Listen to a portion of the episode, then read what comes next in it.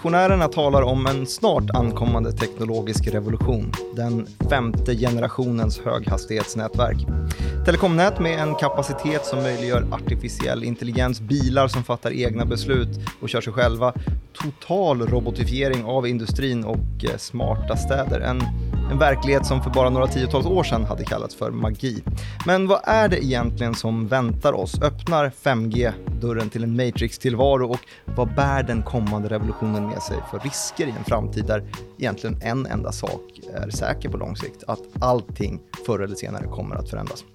Hörrni, det här är Follow the Money, en podcast där vi snackar eh, makt, storfinans och svenska börsen. Jag, jag heter Martin Nilsson och jag är studioankare och programledare på Nyhetsbyrån Direkt, som ju är Nordens ledande nyhetsbyrå inom ekonomi och finans. Och med mig har jag dess utrikesredaktör Joakim Brönning. Tjena. Tja. Jag tänker fortsätta, för jag har förberett ett citat. Ja, oh, kul. By 2005 or so, it will become clear that the internet's impact on the economy has been no greater than the fax machines. Det här sa alltså Paul Krugman som senare kommer få Nobelpriset i ekonomi. Och han menade då, ni som inte förstår engelska, vet inte din kapacitet Joakim Brönning, sådär, eh, sådär eh, att eh, internets påverkan på ekonomin egentligen inte kommer vara större än den påverkan som faxmaskinen har. Han underskattade alltså internetteknologin om man ska sammanfatta det. Eller gjorde han det? Eller gjorde han det? Han kanske kommer få rätt. Han sa ju faktiskt 2005. Ja. ja, det hade hänt någonting där. För det här, när var det här citatet ifrån? Citatet var från 98. Ja, han hade ju helt rätt då skulle jag säga.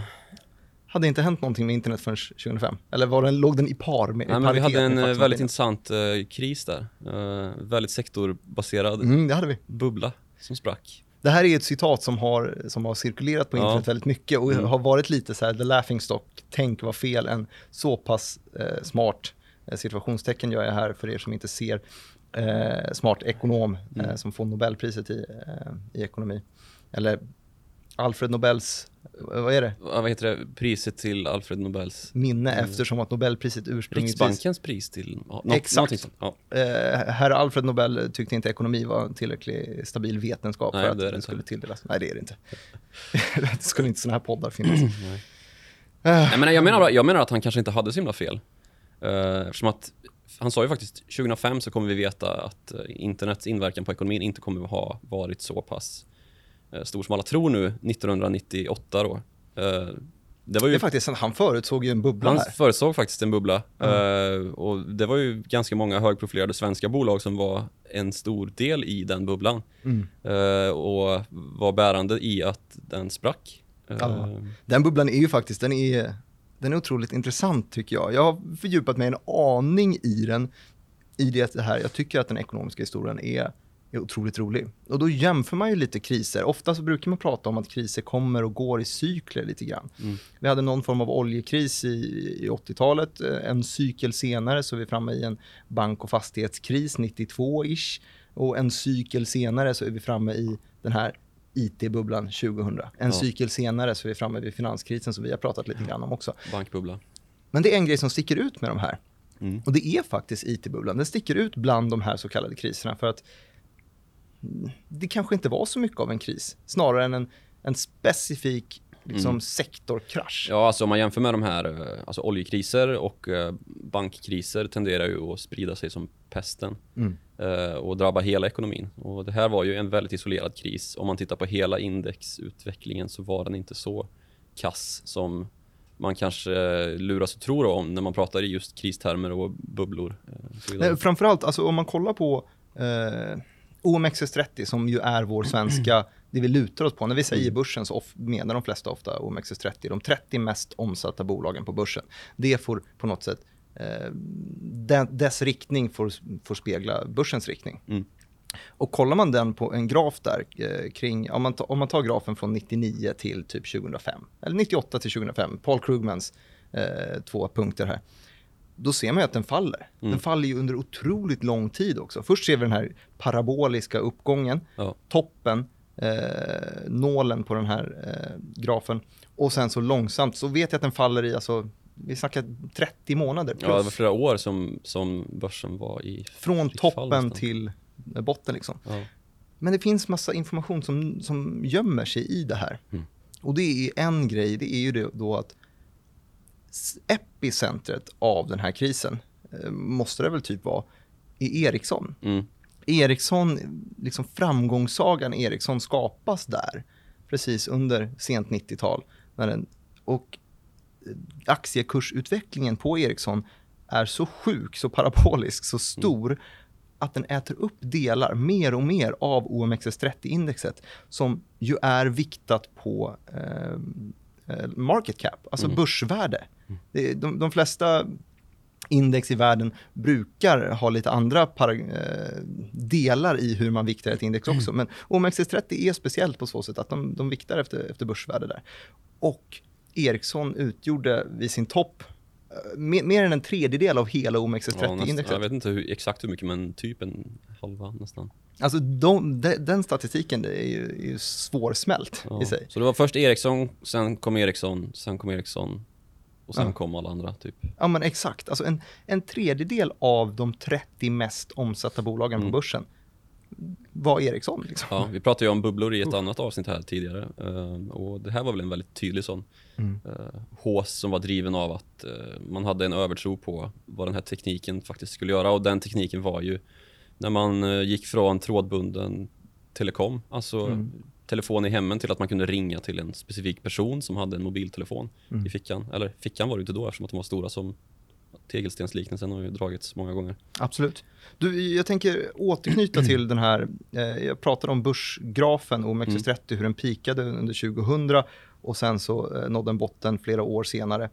Anledningen till att det ser ut som att den tappar så mycket, det är för att det är värdet i Ericsson som urholkas. Värdet i Ericsson som består av det här indexet som holkas, eh, holkas ur helt.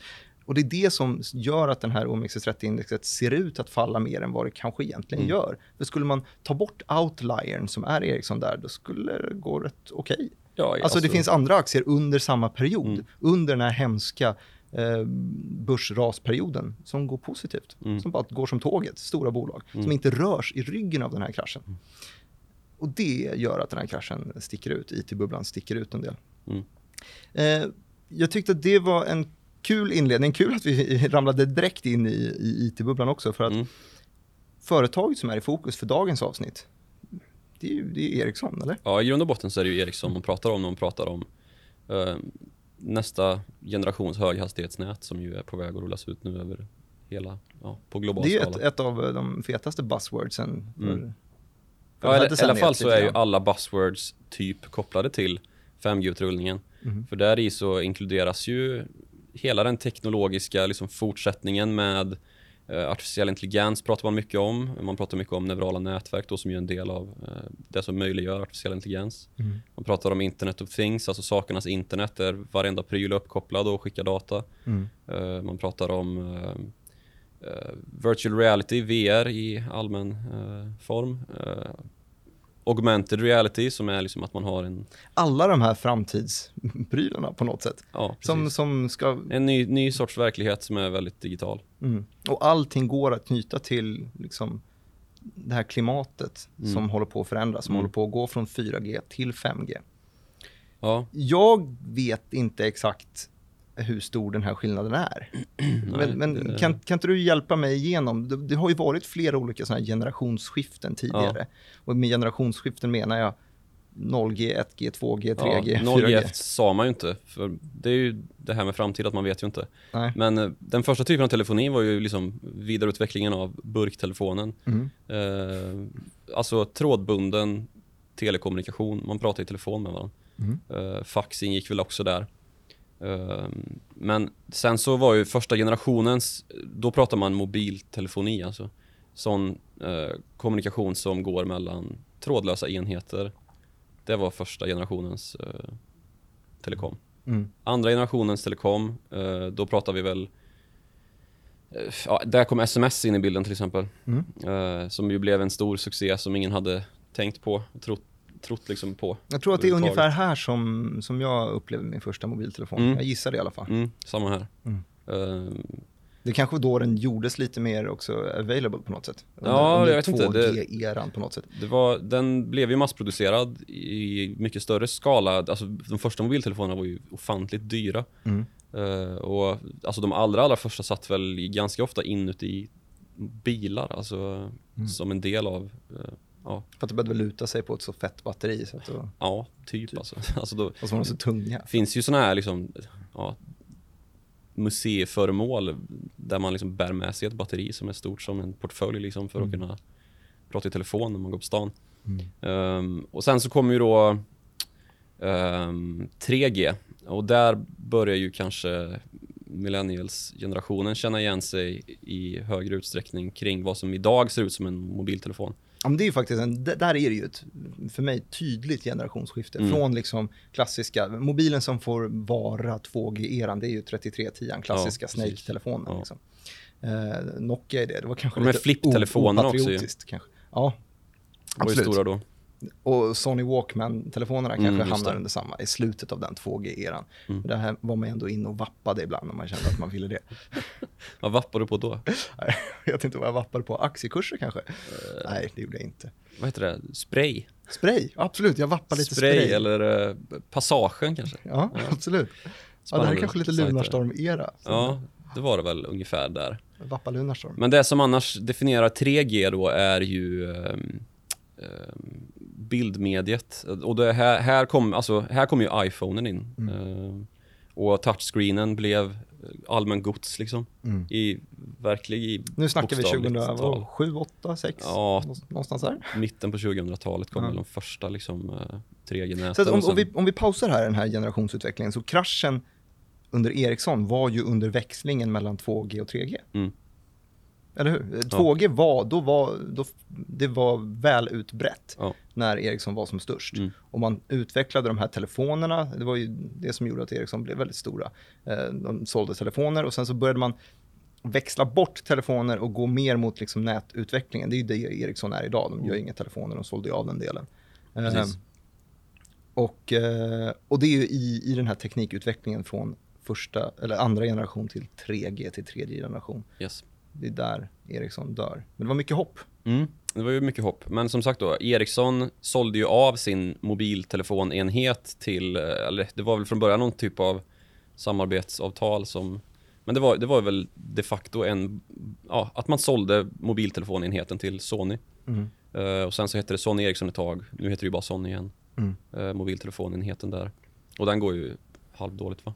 Ja, men exakt, de, de, det känns som att alla bara försvann bakom de här. I mitt huvud nu så har vi ju typ Samsung, eh, iPhone och sen en rad olika Mm. asiatiska telefoner som man inte riktigt Ja, det vet, ju- men som ofta är lite billigare. Det är ju Huawei, alltså kinesiska lågprisutmanare då, som har tagit en ofantlig... Mm. Xiaomi, eller hur? Ja, Xiaomi. Oppo har vi något som heter. Mm.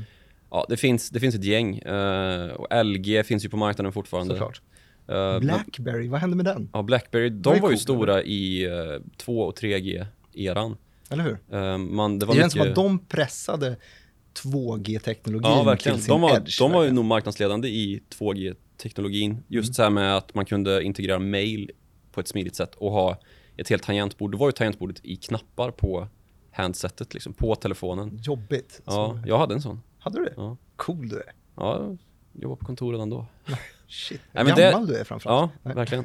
Då, det, var ju, det var ju high-end då liksom. Men Mm. eh, sen när touchscreenen kom så blåste ju Apple och Samsung eh, Mm. bort alla de här eh, mindre, eller ja, tidigare utmanarna då. Mm. Bland annat eh, Sony Ericsson och eh, eh, Blackberry. Mm. iPhone 3GS. kommer jag Ja, den kom, det var ju en var bit in i... iPhone. Ja, min med. Det var, den första, det var ju en bit in i 3G-generationen, Mm. eller i tredje generationen som man släppte 3GS och den, den hade ju liksom arbetat upp då liksom eh, sin chipteknik och processorteknik så att den funkade ju ganska så sömlöst liksom med internet. Mm. Eh, och, och som sagt, där kom ju liksom de första liksom högkapacitiva kamerorna in i telefonen. Man kunde ta bilder som var lika bra som tidigare liksom digitalkameran bara kunde ta. Ehm, och det är ju också ett område som har utvecklats enormt. Eh, och där har vi också lite grann nyckeln till 4G, för 4G eh, är ju inte bara ett snabbare nät då, utan en högre kapacitet på nätet framför allt. Och det möjliggör då att man kan eh, skicka bilder och, och framförallt film. Alltså filmmediet har utvecklats under 4G. Så att man kan, och det kan man också se på sociala medieströmmar, liksom, feeden i sociala medier. att Uh, om man tänker tillbaks på 2010 när Facebook var liksom i sin, inte i sin linda, men tidigt Facebook. Liksom, då var det mm. stillbild som var dominerande. Uh, till att nu idag Bok vara... med liksom, ansikten i. Var det, ja, verkligen. Uh, men till idag då när sociala medier är nästan... det finns ju sociala medier, Snapchat är ju mer fokus på men exakt, det har blivit en, det är, det är faktiskt intressant att tänka att så var det ju inte från början. Men Nej. nu är ju Nej, men de flesta sociala medier är liksom en det är ett flöde bara. Ja, man bara flöde man kan fortsätta rörligt. scrolla i all evighet. Ja. Och det bara fortsätter. Det är uppdaterat tillräckligt snabbt så att man alltid ska kunna. Det märker man ju när man hamnar i någon, någon liten lucka och inte har täckning. Så märker man, precis. fan, nu tog det slut. man har inte sociala medier Tummen längre. bara fortsätter men det slår i taket hela tiden. Ja. Men uh, alltså, den allra första Facebook-versionen, uh, om man ska säga, då var det ju statusraden liksom. Mm. Det som idag är Twitter egentligen. Ja, typ. Uh, Folk skrev ju faktiskt statusuppdateringar. Ja, is började varje status med. Ja, just det. Absurt alltså. Ja. Absurd verklighet vi levde i. Ja. Uh, men lite, lite grann för att återknyta till då att man vet ju aldrig vad framtiden innebär. Även om det idag känns helt självklart att man skulle gå ifrån att liksom Martin Nilsson is in the kitchen liksom till att idag ladda Igen. upp en... Uh, Alltid där. Det, det, är ju... nu när vi liksom går mot nästa steg då, 5G eh, som eh, kom, ja, det har redan rullats ut i delar av världen. Alltså. Mm. Finns i delar av Kina, eh, Sydkorea väldigt tidiga. Eh, USA har varit lite pionjärer. Här i Europa har det av olika skäl tagit tid. Eh, licenser och grejer? Ja, licenser eller? och spektrumauktioner och sånt där som vi inte ska gå in på. Eh, spektrumauktioner? Ja, man måste ha spektrum då för att kunna liksom, köra ut 5G. Ab abonnera någon form av hatch? Handlar om det? Nej, ja, det vi ska inte gå in. Ja, okay, Nej, vi ska kul. inte gå in där. Men eh, sen så har vi den här säkerhetspolitiska handelspolitiska konflikten. Ja, kan vi inte gå in på det? Eh, lite Kort kan vi göra. Huawei. Jag har alltid ja. velat uh, att folk ska höra mitt uttal. Huawei. Ja. Huawei.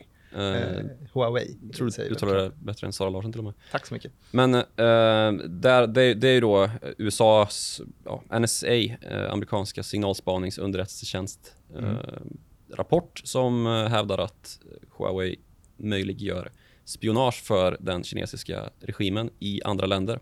Exakt, och då vill man inte anlita Huawei Nej. för att rulla ut och bygga upp de här masterna och tillgodose de här komponenterna som behövs och göra de här spektrumauktionerna och allt det där. Man vill ha koll på mm. vad det faktiskt är Det blir ju inget bra liksom. Och då säger man eh. halt och därför är 5G lite försenat. Ja, det och det finns, det är ju en eh, debatt, konflikt, Huawei, eh, Huawei förlåt, mm. eh, motsätter sig ju såklart alla eh, anklagelser här. Eh, som, det, det, är typ, det är lite tve, tveeggat svärd där för det, å andra änden då så tar det, eller å andra sidan så innebär den här förskjutningen av, eh, eller bortskjutningen av Huawei, att man förskjuter tidslinjen på när 5G faktiskt kan rulla ut för Huawei är billigare än de andra typ mm. enda aktörerna på marknaden i den här skalan är Ericsson och Nokia. Mm. Um, ja, men det har vi sett. Alltså i, eh, när vi sitter på, på börsdesken och sovrar igenom nyheter så mm. ofta så finns det ju såna här eh, antagonist-protagonist-förhållanden mellan olika företag. Så att om det går dåligt för den ena så går det bra för den andra. Eh, typiskt sån i läkemedelsindustrin är Sobi mot Roche. När Roches mm. läkemedel går dåligt så stiger aktiekursen i Sobi. Eh, samma sak händer ju med Ericsson. När det går dåligt för Huawei så mm. kan det gå bra för Ericsson. För ja. de, då tror man att okay, om de stänger dörren för, för, för Huawei så kommer Ericsson svepa in och sno den marknaden istället.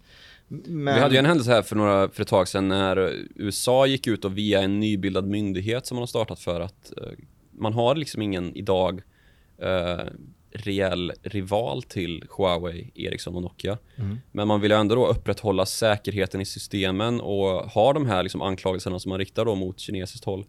Uh, och då vill man via en typ av fond gå in och stötta länder, framförallt i tredje världen, som ju har ja, behov av att köpa billig nätverksutrustning. Ja, med då liksom sponsring nästan, för att de ska välja västerländska bolag. Och det genererade ju liksom börslyft för både Ericsson och Nokia ganska tydligt. Mm. Uh, så den, den korrelationen finns ju definitivt. Sen så har det inte varit lika mycket som man kanske kan tänka sig och det, och det har väl att göra med att det är ganska tröga orderböcker, ganska långa tidshorisonter på sådana här kontrakt. Liksom. Mm. Uh, för att det, det, handlar ju om infrastruktur, det är ju inget uh, det är ganska Men breda säg, penseldrag. säg Joakim att vi får ut eh, 5G. eh, Mm. från- det- För det är ändå inevitable, alltså det, det, det kommer ju hända. Det sa jag ju till och med i inledningen, att förr eller senare så kommer världen förändras. Mm. Eh, 5G kommer komma in. Ja. Sen om det är om, eh, om ett år eller om sju år som det faktiskt är accessible och bra. Ja. Det blir mycket svengelska ord för mig också. Kul. Eh, vad kommer det då att innebära? Hur stor skillnad är det mellan 4G och 5G? Eh, och det, det här är ju en väldigt så här, eh, det, kan, det låter ju som en ganska enkel fråga som man borde kunna ge ett ganska enkelt svar. Ja, gör det. Eh, typ, ja men det kommer vara hundra gånger snabbare. Eh, d- Men det, det är inte så enkelt för det, det är liksom ett generationsskifte sker inte över en natt liksom att, att någon trycker på en knapp och så är allting 5G och hundra gånger snabbare. Mm. Eh, utan det är ju ett skifte som kommer göras liksom långsamt och uh, pö om pö liksom.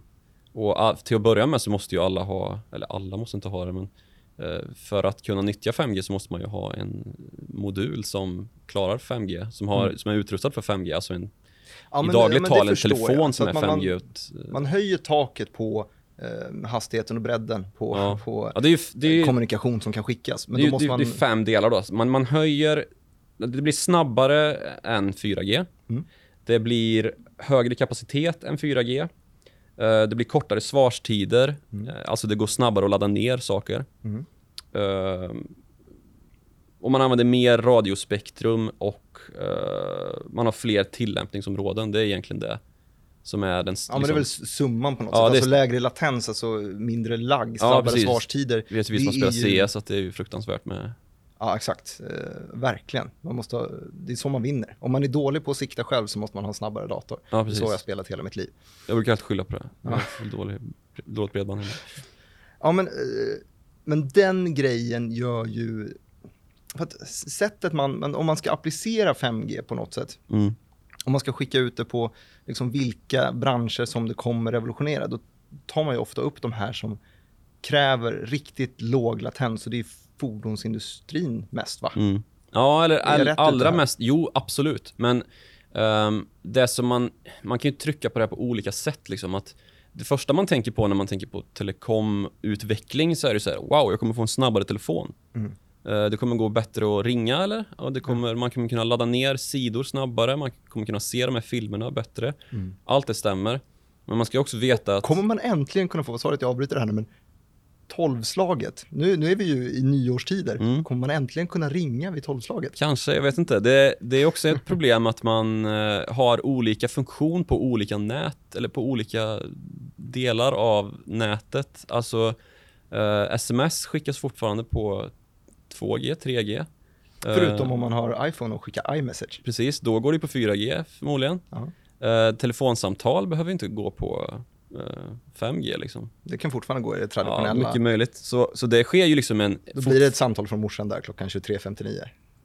Ja, Din På- morsa. Nej. 2G-nätet. Ja. Ja. nej, jag vet inte. Det, det är ganska lurigt det där. Eh, och, och liksom, även om vi rullar ut 5G nu så kommer vi parallellt med det fortsätta bygga ut 4G-nätet. Mm. Vet ju alla som åker tåg någon gång att det är inte så jävla lätt Nej, att det, verkligen. prata i telefon på tåg liksom, när man sitter ute i skogen Ja. och helt plötsligt Undrar har... när vi, alltså, jag, jag, jag ser ett scenario här framför mig när jag berättar för, för mina barn här eh, om, om eh, ett par decennier fram i Mm. tiden. Ska jag berätta om hur det var på, på min tid när jag växte upp. Mm. Då kommer man ju dra den här skrönan. Ja, Man kunde det inte var kolla... faktiskt så illa att eh, man var tvungen att lägga på när det kom en tunnel. Ja, det liksom. Man var tvungen att ta av, ta av sig VR-hjälmen när man satt på tåg. att det, var, det såg bara dumt ut. Ja. ja, det gör det ju. Ja. Nej men eh, det, det är ju liksom en signifikant grej med det här att liksom vi kommer fortsätta rulla ut 4G och det finns till och med de som hävdar att liksom 5G är inte en ny generation utan det är bara liksom en utveckling av 4G, att man bygger ut kapacitet. Är steget och, som minst här, menar du? jag, vet, jag, jag är inte rätt person att svara på det, men det finns liksom eh, relevanta eh, branschaktörer som menar att mm, visst, det blir bättre, men det är ju ingen, det är ju inte, det är inte samma typ av omväxling vi gör nu som vi har gjort tidigare. Eh, hur egentligen man definierar ett generationsskifte är väl lite upp till var och en liksom, men det, det kommer definitivt bli snabbare.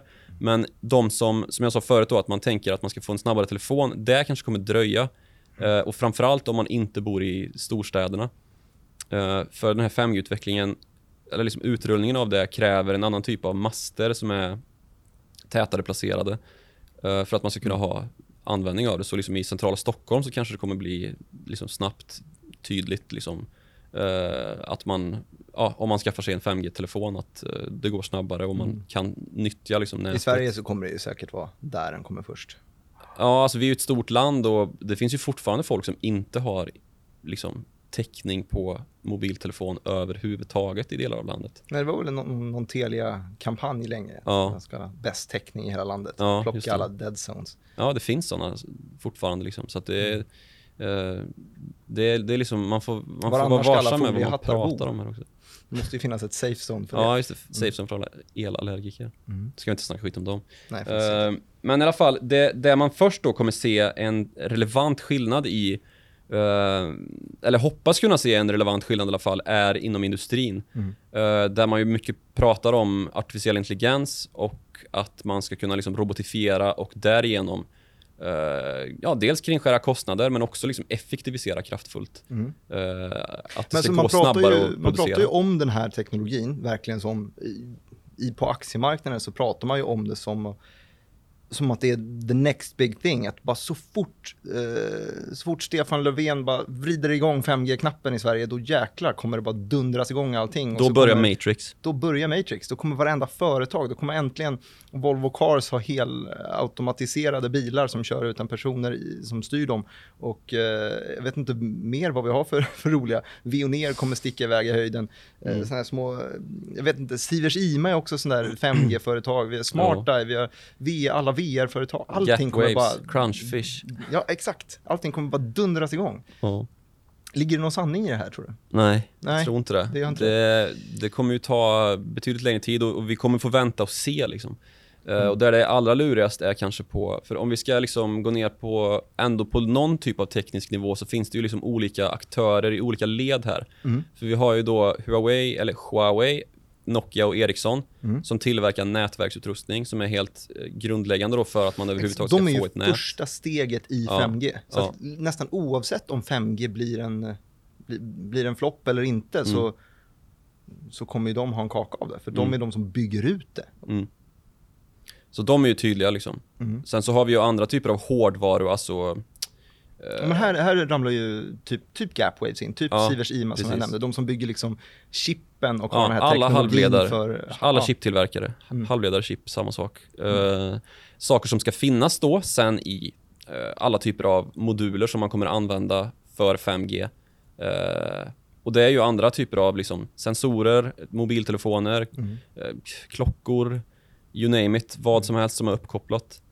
Uh, och det är ju det som, det är där vi snackar liksom en betydande skillnad uh, som till viss del finns idag, sakernas internet, IoT, det mm. som man brukar kalla IoT. Uh, eh, alltså Internet of Things. alltså uppkopplade grejer. Det finns ju liksom så wearable teknik idag. Mm. som en, jag har en sån klocka på mig till exempel. Snygg. Mm. Helt okej. Okay. Mm. som liksom så mäter puls och grejer. Mm. och sen som jag kan dela då i, till min app via men exakt, den typen av kommunikation. Ja. den kräver ju kanske inte den kräver gigantiska mycket Nej. bandbredd. Nej. Men när man Skillnaden börjar... är att eh, alla sådana här olika alltså beståndsdelar i sakernas internet kan börja kommunicera med varandra. Mm. Att du kan skicka signaler från min klocka då till min ugn till exempel. Liksom att jag kan ställa in på klockan att ugnen ska gå igång. Det kan mm. jag inte göra idag. Nej. Så att det är liksom eh, gränssnitt, gränssnitt där kommer förbättras kraftigt. Det, det är liksom en, en sån grej som man ser ganska, ganska många ser framför sig i alla fall. Ja, men absolut, den är lätt att säga, men det viktiga här tycker jag är att ja, klimatet för sådana saker mm. förbättras avsevärt. Liksom infrastrukturen kring det finns, men det kräver ju fortfarande att någon ska programmera det här. Någon ska liksom anpassa varorna, någon ska bygga dem, någon ska utveckla mm. modeller som är snygga, som folk vill köpa. Privatpersoner ska faktiskt köpa det och det gäller ju då att du har en sån klocka plus att du har en sån ugn plus att du har ett sånt kylskåp. Att du har liksom de delarna så det är ju en längre utrullning än den här switchen. Mm.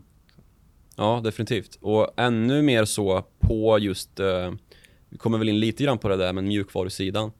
Att det ska finnas program eh, som faktiskt löser de här, eh, ja, som, som, som är de här gränssnitten, alltså gränssnitt, eh, det är det som Windows är på en dator. Mm. Eh, alltså att man kan klicka på ikoner och fatta på ett logiskt sätt vad som, hur datorn, alltså den, den gör datorn användbar för en average person, alltså Kalle Mm. Kula liksom, att alla kan använda den på ett hyfsat, ja, o, o, ehm, man behöver inte vara liksom utbildad dataanalytiker för att förstå hur datorn funkar Nej, den typen av eh, kompetenser då som, som bolag utvecklar på mjukvarusidan. Mm. Där någonstans kommer det ju väldigt mycket osäkerheter in. Men jag tror att det är där också som de här, de här drömmarna närs. För vi, vi märker ju det, eller jag märker det i alla fall, det här kanske får stå för mig, men att det finns en, en övertro på något sätt att 5G ska komma in och lösa massa grejer. Det finns väldigt många företagsidéer där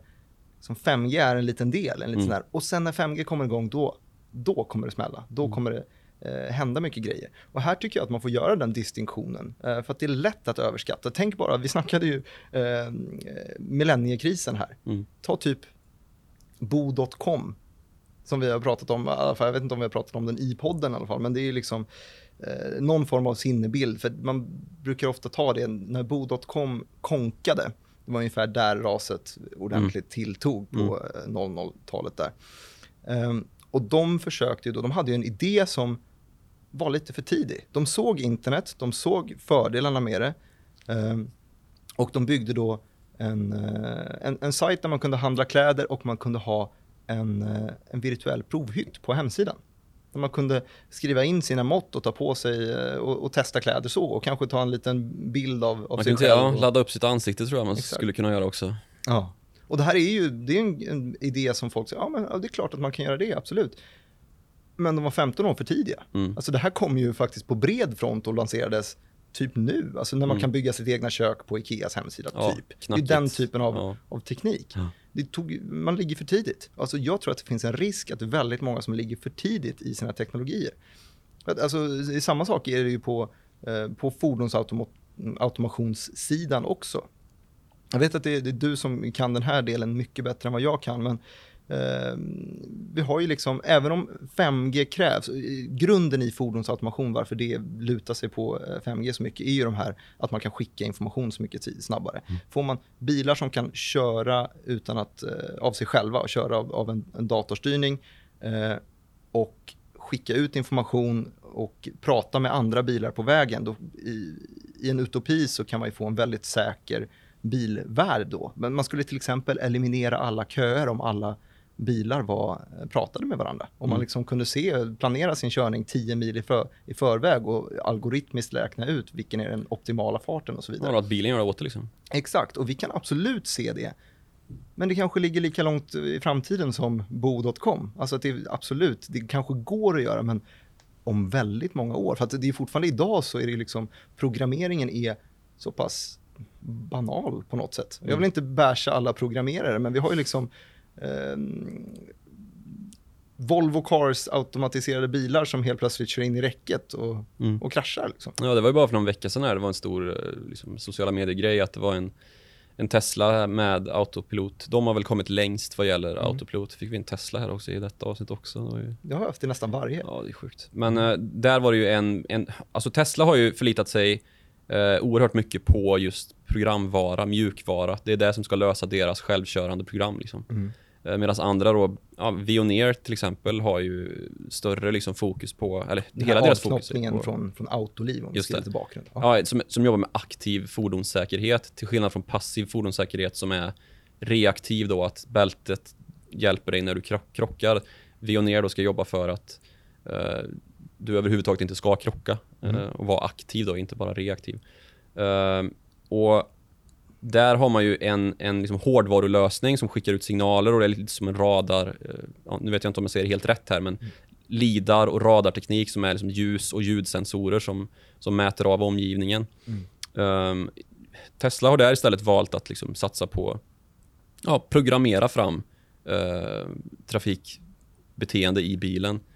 Och det har ju funkat så pass väl att man nu har den här autopiloten eh, som ju kör bilen och sådana liksom lösningar har funnits ganska länge. Jag kommer ihåg när jag hyrde en Volkswagen någon gång Mm. och att det var en sån här liksom, eh, som mätte avståndet framåt. Och när Ja, man närmade det, är sig... ju, det, var, det är ganska häftigt. Ja, och när det man är det närmade många sig... bilar som har. Mm. Ja, precis. Och när man närmade sig då så, så, så bromsar bilen själv liksom. Och den här klassiska, eh, om man, att, om man kör på landsväg så, så lär sig bilen var, var vägen börjar och slutar vid sidorna Mm. och börjar småkorrigera ratten när man håller på att svänga av. Ja, precis. Det är ju, det är ju, det är ju liksom aktiv fordonssäkerhet. Mm. Eh, men Tesla då, nu för några veckor sedan så var det ju en bil som, ja, inte 90 grader kanske, men som styrde in i räcket eh, när föraren satt lite passiv, liksom, lite för passiv uppenbarligen. Mm.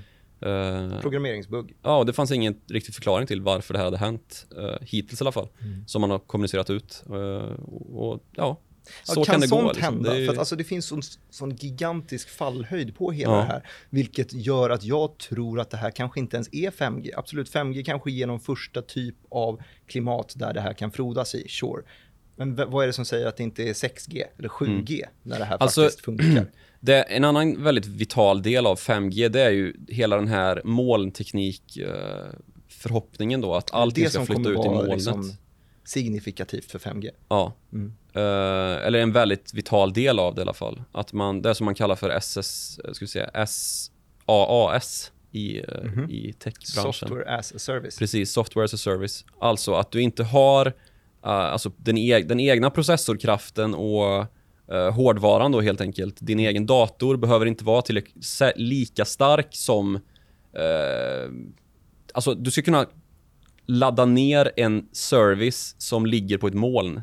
Till exempel så kan du spela ett spel på din egen dator eh, fast du streamar spelet. Alltså du, du, ungefär som när du kollar på Netflix Mm. så streamas det då i realtid. Och det här, i och med att det är så låg latency, alltså så låg, så, det är så snabb uppkoppling så att det blir ingen lagg liksom. Utan Mm. du kan spela det som ett, som när du tittar på film egentligen. Det, det, jag har testat det, det är jäkligt häftigt. Ja, det, finns ju redan nu. Ja, det finns på, på, på Playstation vet jag. Ja. Ehm, det är där jag har testat i alla fall. Och det funkar ju som bäst idag när man sitter på fiberuppkoppling. Mm. Eh, och, och det ska man också veta att alla de här möjligheterna som lösgörs då med 5G finns i ganska stor utsträckning redan om man har fiberuppkoppling. Mm. Och även nu när vi får fiberupp, eh, 5G så kommer många av de här eh, visionära grejerna då som att man ska kunna, alltså en läkare ska kunna, en kirurg ska kunna operera på fjärrstyrning liksom med hjälp av en, en kirurgrobot i ja, vart som helst i världen egentligen. Eh, där det finns en kirurgrobot naturligtvis.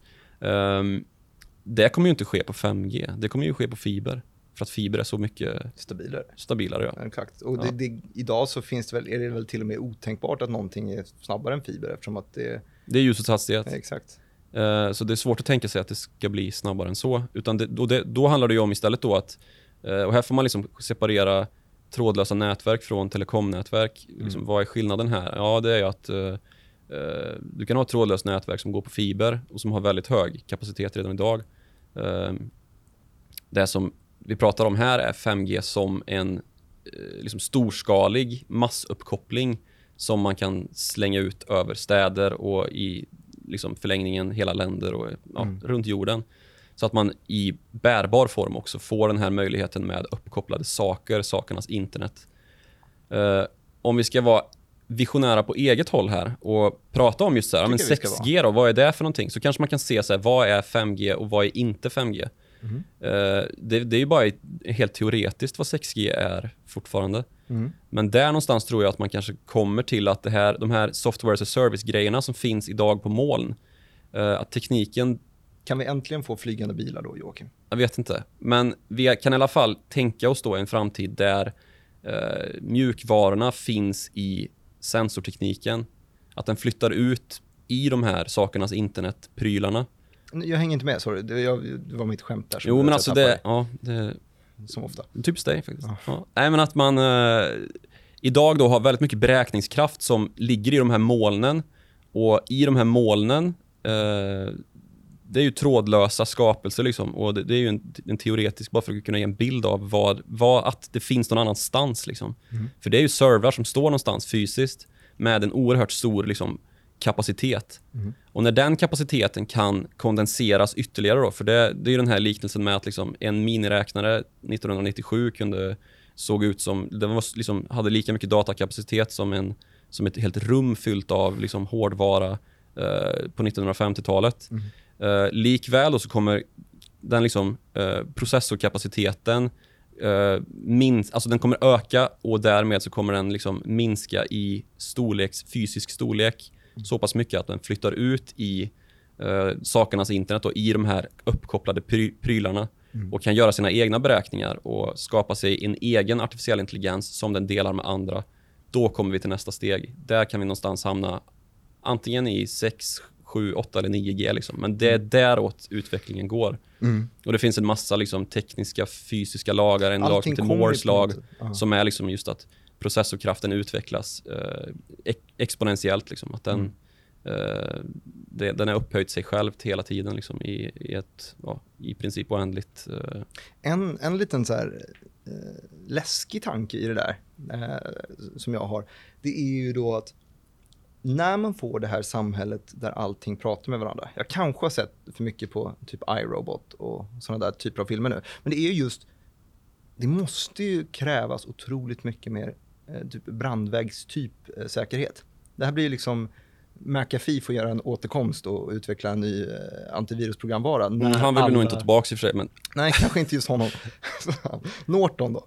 Ja. Får Norton komma? Nej, men, Symantec. Ja, ja, mm. visst. Ja, men ja, precis. Nätsäkerhet och... För jag tänker då att om alla bilar plötsligt går att prata med, med, med molnet så, så, är de ju hackbara på något sätt. Mm. Och det borde ju teoretiskt sett gå att orkestrera den sjukaste av liksom, hackerattacker då. Mm. Om ja, det är den... alla bilar svänger 90 grader Precis, det är ju den, det är den dystopiska liksom, eh, förutsägelsen då att eh, när, när liksom, eh, om man ska dra det riktigt långt, liksom att, att människan blir obsolet, alltså mm. inte behövs längre för att man är, man är bara en stor ineffektivitet i det här liksom systemmaximerandet. Alltså jag, jag, tycker inte ens att man behöver gå så långt. Nej, det, det, är ju, det är en läskig och dystopisk tanke, ja. ja precis. Det och, det, är det som är, det är det som är liksom yttersta punkten i, mm. det är liksom noden i den uh, tankebanan. Mm. Uh, men om man ska liksom stanna vid nätsäkerhet och så här så är ju det uh, just hacker, hackarangrepp.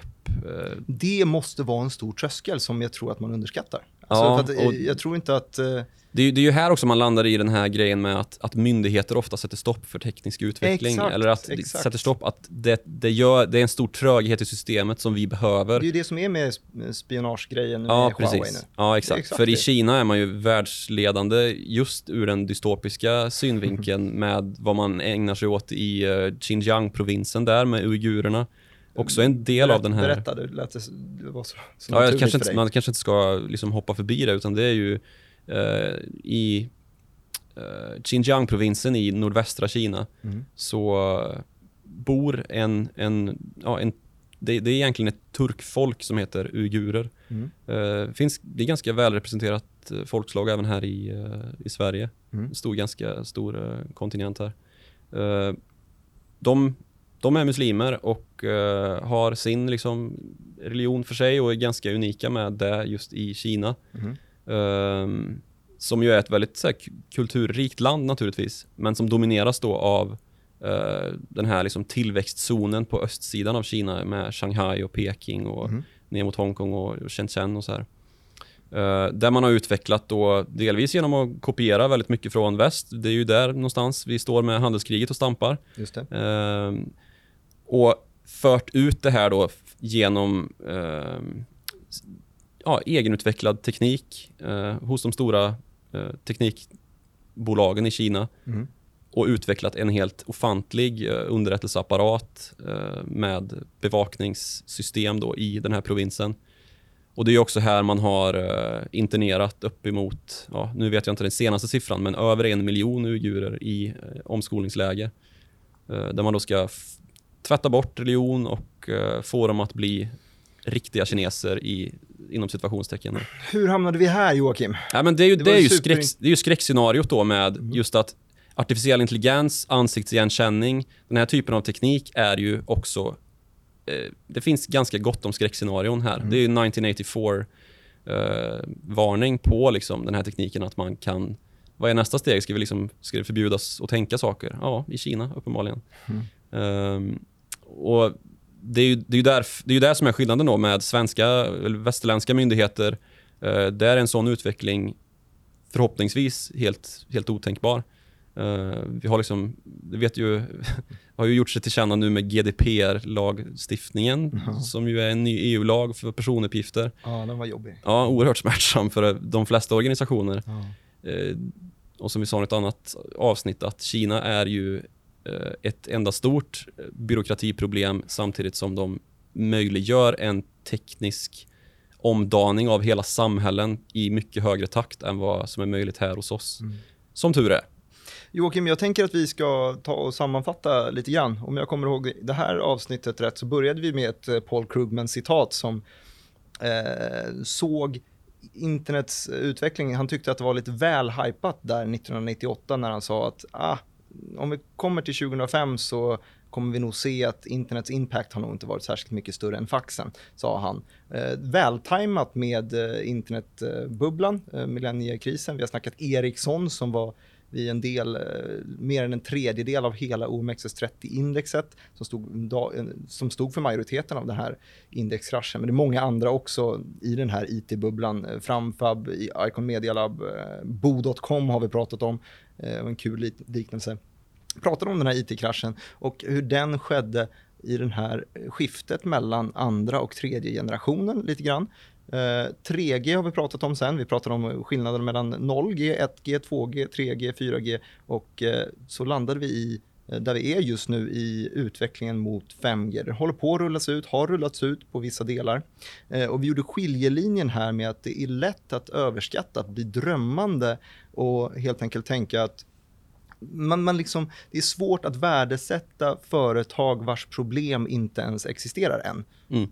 Bästa, man... någon sån här, uh, ja, VR är ju på något sätt, alltså virtual reality, Oculus Rift, det här mm. Google-headsetet som man tar på sig. Aha. Det är ju den bästa lösningen på ett problem som inte överhuvudtaget existerar. Uh... Nej, det syns ju på försäljningssiffrorna. Nej, men det, det, växer i alla fall på något sätt. Uh, och jag kan se att det finns någonting och där. där finns det ju där finns det ju möjligheter för 5G. Ja, verkligen. verkligen. Där man kan koppla fri den från, från uh, trådburen uh, mm. koppling. Då. Eh, exakt, och då gjorde vi den här skiljelinjen då mellan då företag som är, är drömmande och försöker lösa problem som kanske inte riktigt finns än, men då blir det väldigt svårt att sätta en, en, en, prislapp på företaget. Och så satte vi den andra fasen i det här som var tillverkarna. De som faktiskt, det är lite lättare att mäta i alla fall eh, deras del i den här kakan som är 5G. Då snackar vi tillverkare, vi snackar Ericsson, Huawei, vi snackar Nokia, vi snackar komponenttillverkarna och de enda som vi kom på där var väl eh, Gapwaves och Sivers Ima på Stockholmsbörsen. Det är kanske små, eh, kanske dåliga exempel. Det finns nog väldigt många fler där. Sen så ramlade vi över till fordonssidan, de som har en teknik som eh, skulle må bättre av ett 5G-klimat, men det är mycket annat som också måste fixas. Vi snackar internetsäkerhet, vi snackar ren programmering antar jag, för att den, är, den, har inte kommit så pass långt. Egentligen så skulle de behöva jobba på det där ett par år till innan 5G kommer, antagligen, för att mm. få det riktigt bra. Det är klart att 5G är bra, men det betyder att det inte kommer hända någonting direkt dagen som 5G kommer till ett stad så kommer inte alla bilar börja köras automatiskt direkt. Uber kommer inte sakna förare på en gång? Nej, det kommer de inte. Det kommer ta lång tid och det var det vi kom fram till. Och här i, i den branschen så har vi ju, på svenska sidan så har vi eh, Volvo Cars eh, som är stort. Eh, vi har eh, Veoneer som är Autolivs eh, eh, framgångssaga, kanske avknoppning där. Eh, vi har Smart Eye nämnde jag någon gång tror jag. Mm. Jag tror att de sysslar med lite mer eye tracking, alltså att kunna se, eh, sätta en kamera på föraren och försöka eh, se hur den personen mår. Om den är sömnig så mm. ser man att ögonen stängs lite grann och då kanske den kan varna för det. Den mm. typen av eh, fordonssäkerhet och det finns säkert någon liten fordonsautomationskoppling till Smart Eyes produkter det också. Jag kan den inte tillräckligt bra. Och sen så hamnade vi där vi var idag. AB Volvo har vi också såklart. Ja, såklart. Transport och logistik är ju en väldigt bärande del i det här. Ja, hela infrastruktur. Såklart, såklart. Det är inte bara Volvo Cars. Ja. Vi snackade också Tesla såklart. Ja. Eh, fick vi in, det får vi alltid in. brukar vi alltid in, ja. Sen så har vi ju hela industrin då. Det kan vi snacka liksom. ABB är ju en eh, liksom robotkonglomeratet ABB. Mm. Eh, med allt vad det innebär. Mm. Eh, det finns ju hur många liksom, Om vi säger det så skulle vi lika gärna kunna kasta in alla de här olika elektronik. Ja. Electrolux, kan inte de få en liten ja, smart, Där har vi väl en VD som sa, uh, jag, har ingen an, jag, jag, har inget behov av att prata med min spis, har jag för mig att han har. Okej, då stryker vi Electrolux från listan då. ja, men det är intressant ändå att det, alla går ju inte liksom med hull och hår in i den här utvecklingen och det, den tillnyktringen är väl inte helt, inte helt osund i alla fall. Sen landade vi i en jäkla jäkla massa dystopiskt snack också. Men eh, nu så uh, slutar vi med att, uh, att tacka för för att, för att ni har lyssnat och ni har tittat.